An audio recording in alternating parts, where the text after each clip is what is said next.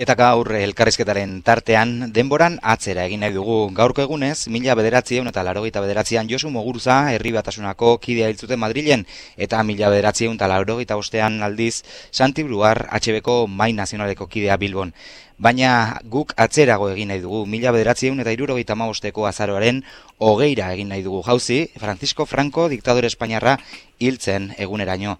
Elkarrizketaren tarterako bizipen pertsonal eta politikoak nastu nahi izan ditugu, Karol Hanis e, feminista erridikalak esan bezala, pertsonala politikoa delako.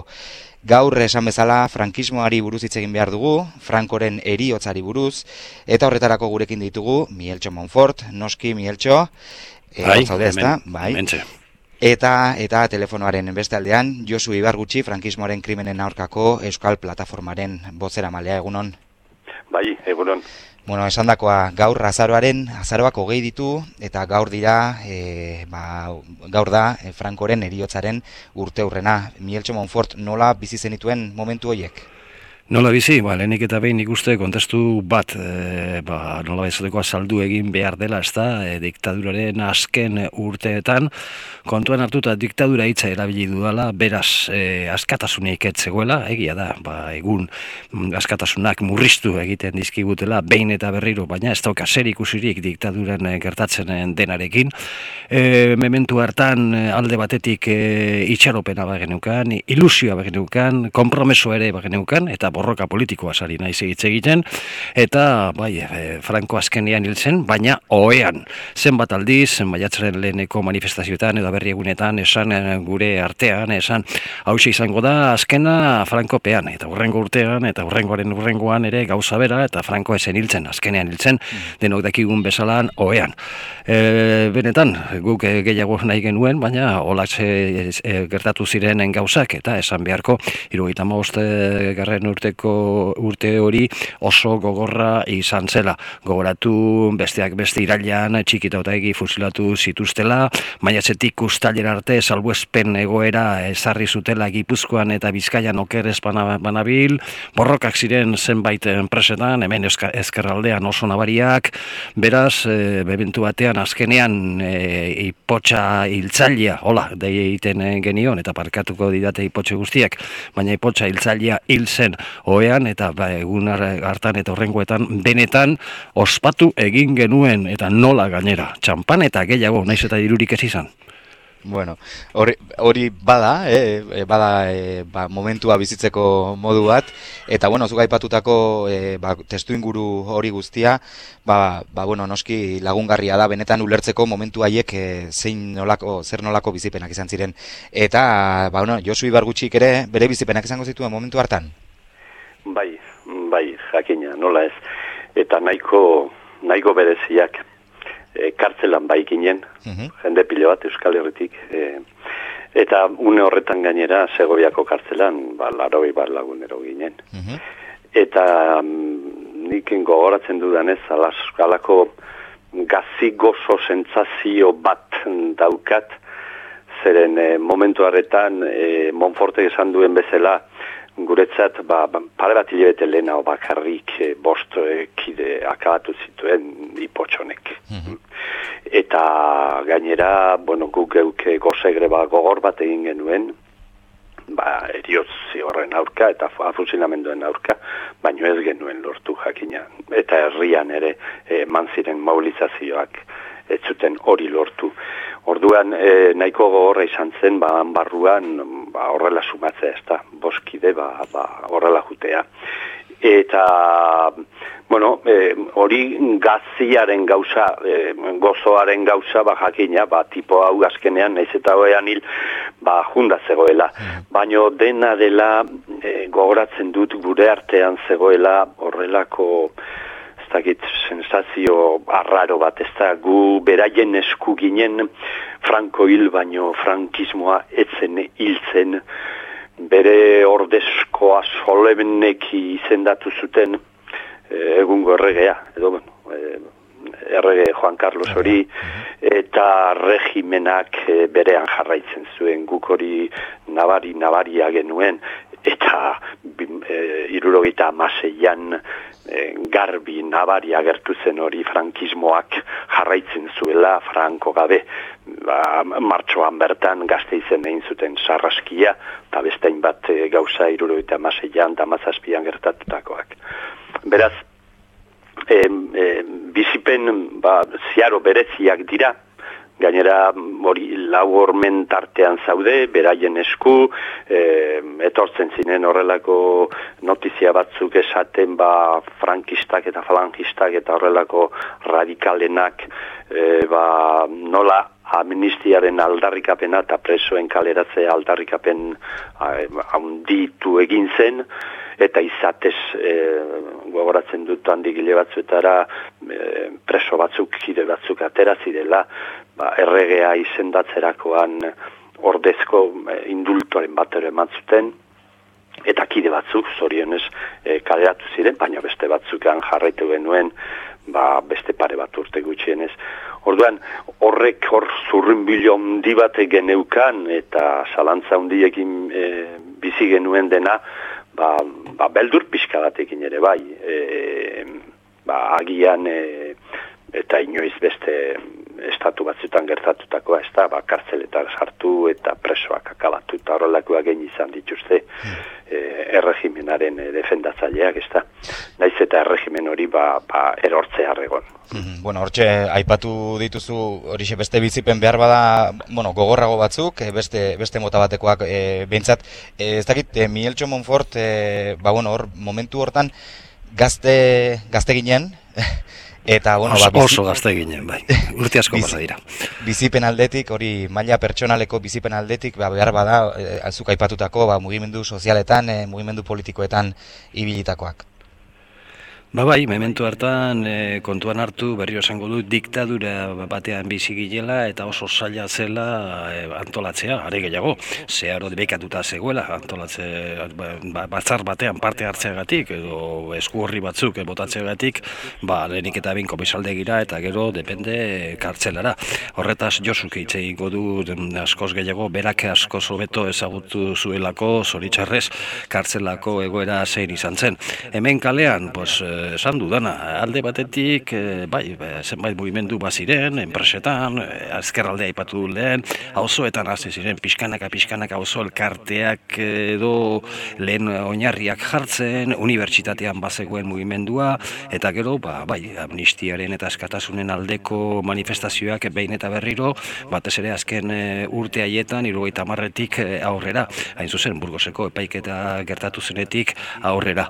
E, zan dudan bezala, mementu hartan hemen kalean bederen ilusioa eta itxaropena bageneukan. Naiz eta Josuk esan duen bezala, irugaita maseian ikusi, frankismonek gabeko, frankoren gabeko, e, zera, e, frankismoak jarraitzen zuela, eta irugaita masei oso urte gorra izan zen, gazteizko gertakariak, eta askoz gehiago, mila manifestazio zapalduta, ez dakigu zen bat lagun atxilotuta, eta bar, eta bar luze bat. Ordu nola bizi ginen e, historio? Ba, nola bezateko ez bakarrik lehen pertsona, baizik eta e, militantzia ikuspuntu batetik, eta berrio esango dut e, borroka politikoa sari naizela hitz egiten, nik bestea ez dut ezagutu, eta ba, benetan konpromesua handia zen. Nola izateko klandestinitatean bizi ginen, gure lagunek eta gure familiak etzekiten non bizi ginen, e, baskotan mugitu behar leku batetik bestera, ematen du ez, ez dakit e, eroit klabean hitz egiten ari naizena, baina hala gertatu zen hilabetetan eta urteetan, hain zuzen e, frankismoaren eta ditaduraren azken urteotan. Gero, gerokoak, iru eta marzeieko historiakin hasi eta gero gehiago gertatu zen denulaki un bezala eta azkenean horiek dioten trantzizia famatu horretan sartu ginen oso ondo jakin gabe, bai, hauteskundeak izan ziren, batzuk aurkesteko aukeri izan zuten, beste batzuk ez, eta olakoak. E, hortxe, e, ari gara hor frankismoaren amaierarekin, e, baina guazen pixka bat aurrera xeago egitea, e, aipatu du Josuk ere gerora ba, errege, erregea jarri zela, eta bar, eta bar, hor aldaketa horretan, trantzizio horretan, oso aldaketa lasaia izan zen, ezta, Josu? Lasaia, lasaia, edo, edo ez dakit aldaketa ere dei, dei, dei daiteken. Hori da, lasaiekia. Hmm. E, zerbait aldatu ezer ez aldatzeko. Hmm hori e, gato pardoen agertzen da, e, novela famatu horretan. Eta alakoren bat zuertatu zen. zerbait aldatu ezer esaldatzeko. Azken finean, frankismoaren estruktura guzi, guzia, inungo hile puntarik ikuitu gabe, pasatu zen e, demokrazia, erosasi demokrazia horretara. Eta hori, ba, Monfortek esan duen bezala, e, transizio famatu horren esku izan zen, ez da. Mhm. E, dena pasatu zen judikatura, estruktura militarra, estruktura represiboa, barra zibila, etzen inolako em, depuraziorik eman. Mhm. Eta horrek nabari nabari usten du, eta oraindik ere hori ordaintzen ari gara. Ez da kasualitatea, laro eta lauean aipatu duzuen e, Santiburuaren eriotza egun horretan, edo laro eta bederatzean Josu Muguzarena, eta beste hainbat e, ekimen.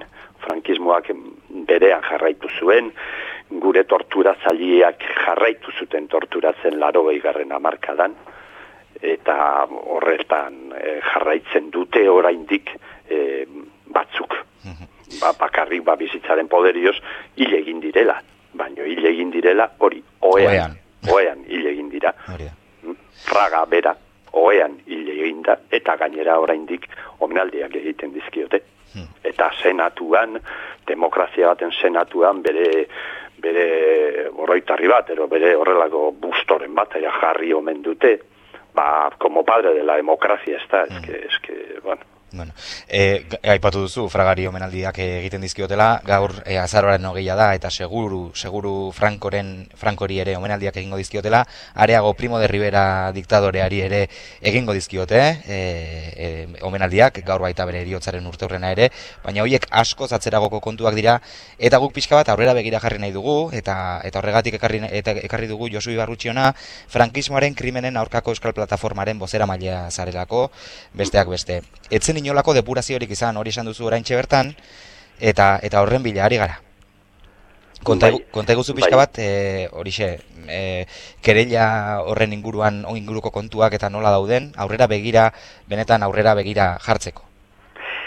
Ba bai, ba aurrera begira jarri ginen eh, ba duela, bueno, kereila horrek bost urte ditu, ber 2010ean eh atera zen bertan Argentinan eta ba, movimentu handiagoak izan ziren lehenago ez da, bueno, handiagoak esaten nahi dut barne movimentu batzuk, ba, esaten ba, onarte zina zela, oita ma urte pasatuta gero, edo oita urte pasatuta gero, e, ba, oraindik horrela egotea, eta horrelako egoera baten egotea, ba, frankismoaren e, ba, oinordeko estatu bat oraindik horrela mantentzea, eta beno, ba, zerbait eh, lortu dugulakoan gaude, ez da, bate baino gehiago esan izan digu, ba, bost urte hauetan egin dugula goita aurreko goita urten, urtetan ez dela egin. Mhm. Zergatik, ez, batek duela gutxi esaten ziren, baina zergatik goita urte horrela, bueno, ba,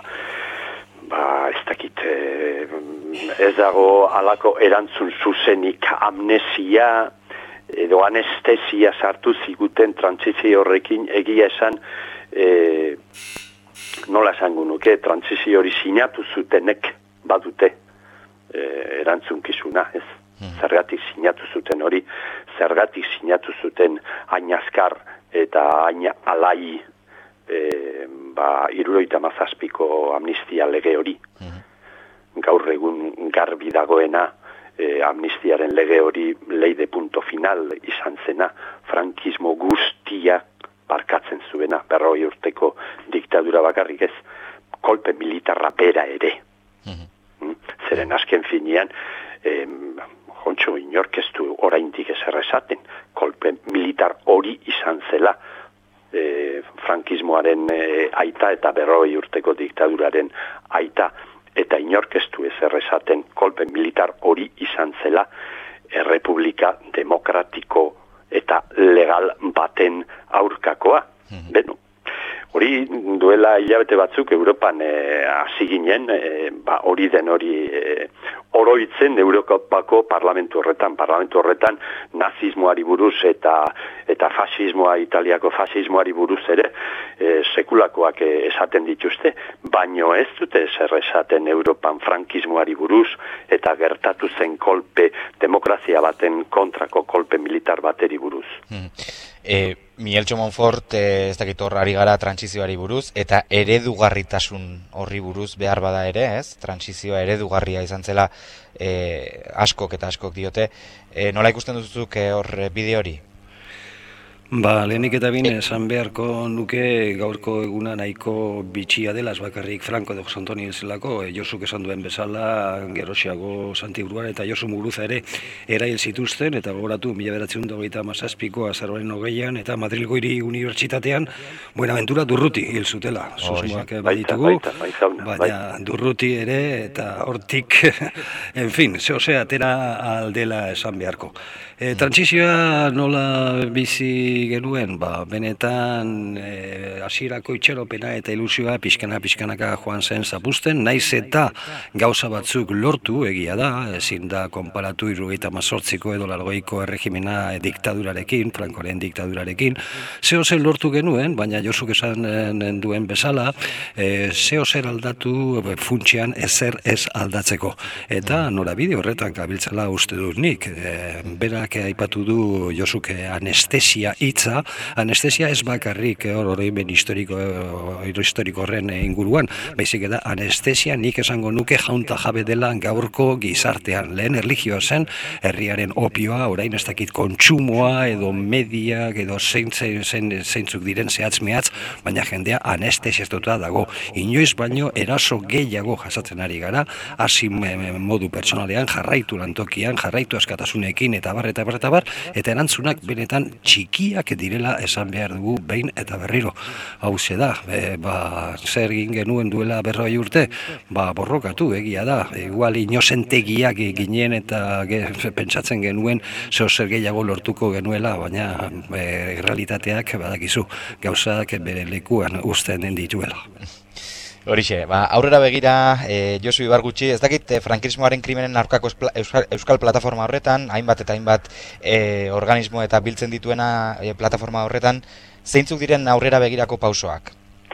Beno, orain bertan ari gara, e, ia, bueno, jakina, e, kereiak mundu guztiari animatzen, ba, jo, kontuan eukita, milaka eta milaka biktima daudela orain isilik ez erresan gabe, hainbat hildako, hainbat e, obi, e, ilobi, hainbat torturatu, hainbat kartzeleratu.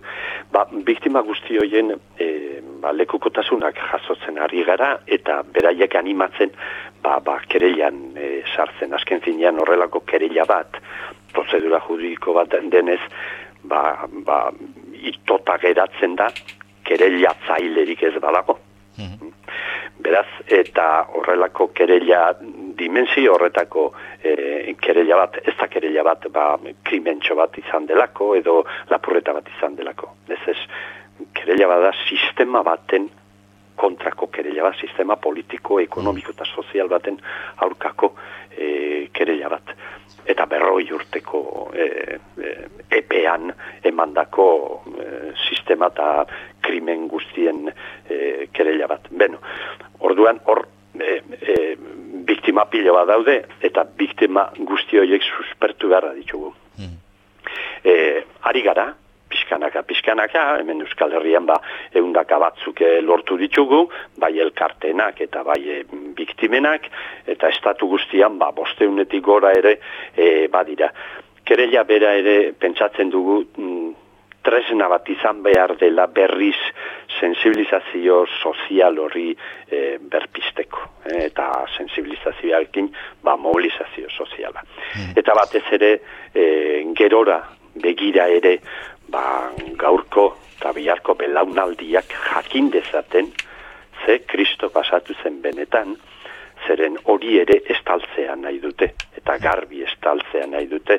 Izatez Madrileko historiako akademiak ere az, orain dala pare bat urte orain dik ez da azitzen idazten ba, bueno, Frankoren regimena etzela diktadura bat izan, horrela piskat autoritarioa bat eta beno, bezke den, dena, dena estaltzen ari dira. Hori atera beharra daukagu eta nola atera? Ba biktimegin eta biktima pilo bat daude egia guztia ezagutzeko. Baina egiare, egia guztiaren ondoren justizia egin beharra dago. Mm. Zenen oraindik erantzule pilo bat, hi egin zaizkigu, baina beste pilo bat, e, badi ardu oraindik eta majo bizi izaten. Eta mobilizazioa aipatu duzu hori guztia lortzeko, bueno, egia eta justizia oroitzapena ere noski badugu, hemen ikusi dugun bezala, entzun dugun bezala elkarrizketa honetan, aipatutako mobilizazio horrekin lotuta datorren igandean e, zera e, zera daukazue, manifestazioa daukazue estatuko bestelako e, koordinadora eta plataformekin batera. Bai, e, ba, biruro eta gorako estatu mailako e, hainbat erakunde memorialista e, bildu ginen, duela bilabete eta piku e, Madrilen, eta horrelako gutun ireki bat egin genuen e, alderdi politiko guztieri eskatuaz garbi, eta mm, nabari esan dezaten datozen hauteskundetarako zein den beraien e, programa eta beraien programa eskatuaz, batez ere ezkerrego jendeari eta antifrankista ezaten dutenei eskatuaz, garbi egin dezatela lana frankismoaren biktimen aldekoa mhm. eta e, e, iru, iru ardatzen nagusi jartzen genituen bata amnistiaren legea deusestea mhm. irurita mazazpikoa, leide punto final denez e, ba, erantzule guztiak e, e, bertan epaituak izan daitezen, eta ez amar mila kilometrotara Argentinan. Mhm. Bat hori, bestea, nazio batuek hainbat bidar eskatutako eta azkenengoz errelatore bereziak eskatutako eh, rekomendazio, beraia rekomendazioa esaten zituzten, ba, rekomendazio guzti horiek betetzeko, ez du eh, estatuko gobernuak ez du bat ere bete. Bai, Josu, denbora, denboraz larri gabiltzan, bai. irugarrena, e, irugarrena Eta irugarrena, irugarrena, e, deusestea, e, tribunal e, frankista guztiak, tribunal de orden publiko eta tribunal militar guztiak, e, emandako sententzia guztiak deusestea, zenen oraindik e, e, delikuentea gera, gure sententzia gordaude, eta ba, ba, eta, eta dena. Hori da. Bueno, ba, aipatutakoa, Josu Ibar gutxiren eskutik, frankismoaren krimenen aurkako eskal plataformaren e, bozera mailea da Josu, eta Miguel Txomonforten eskutik eskerrik asko biei, eta eta esan dakoa, bueno, jarraituko dugu, aurrera begira, e, obe, jartzea hobe baita, atzera begira egotea baino, mila esker esan dakoa. Mila esker zuei. Ero arte. Agur, Miguel Txo. Agur. Agur.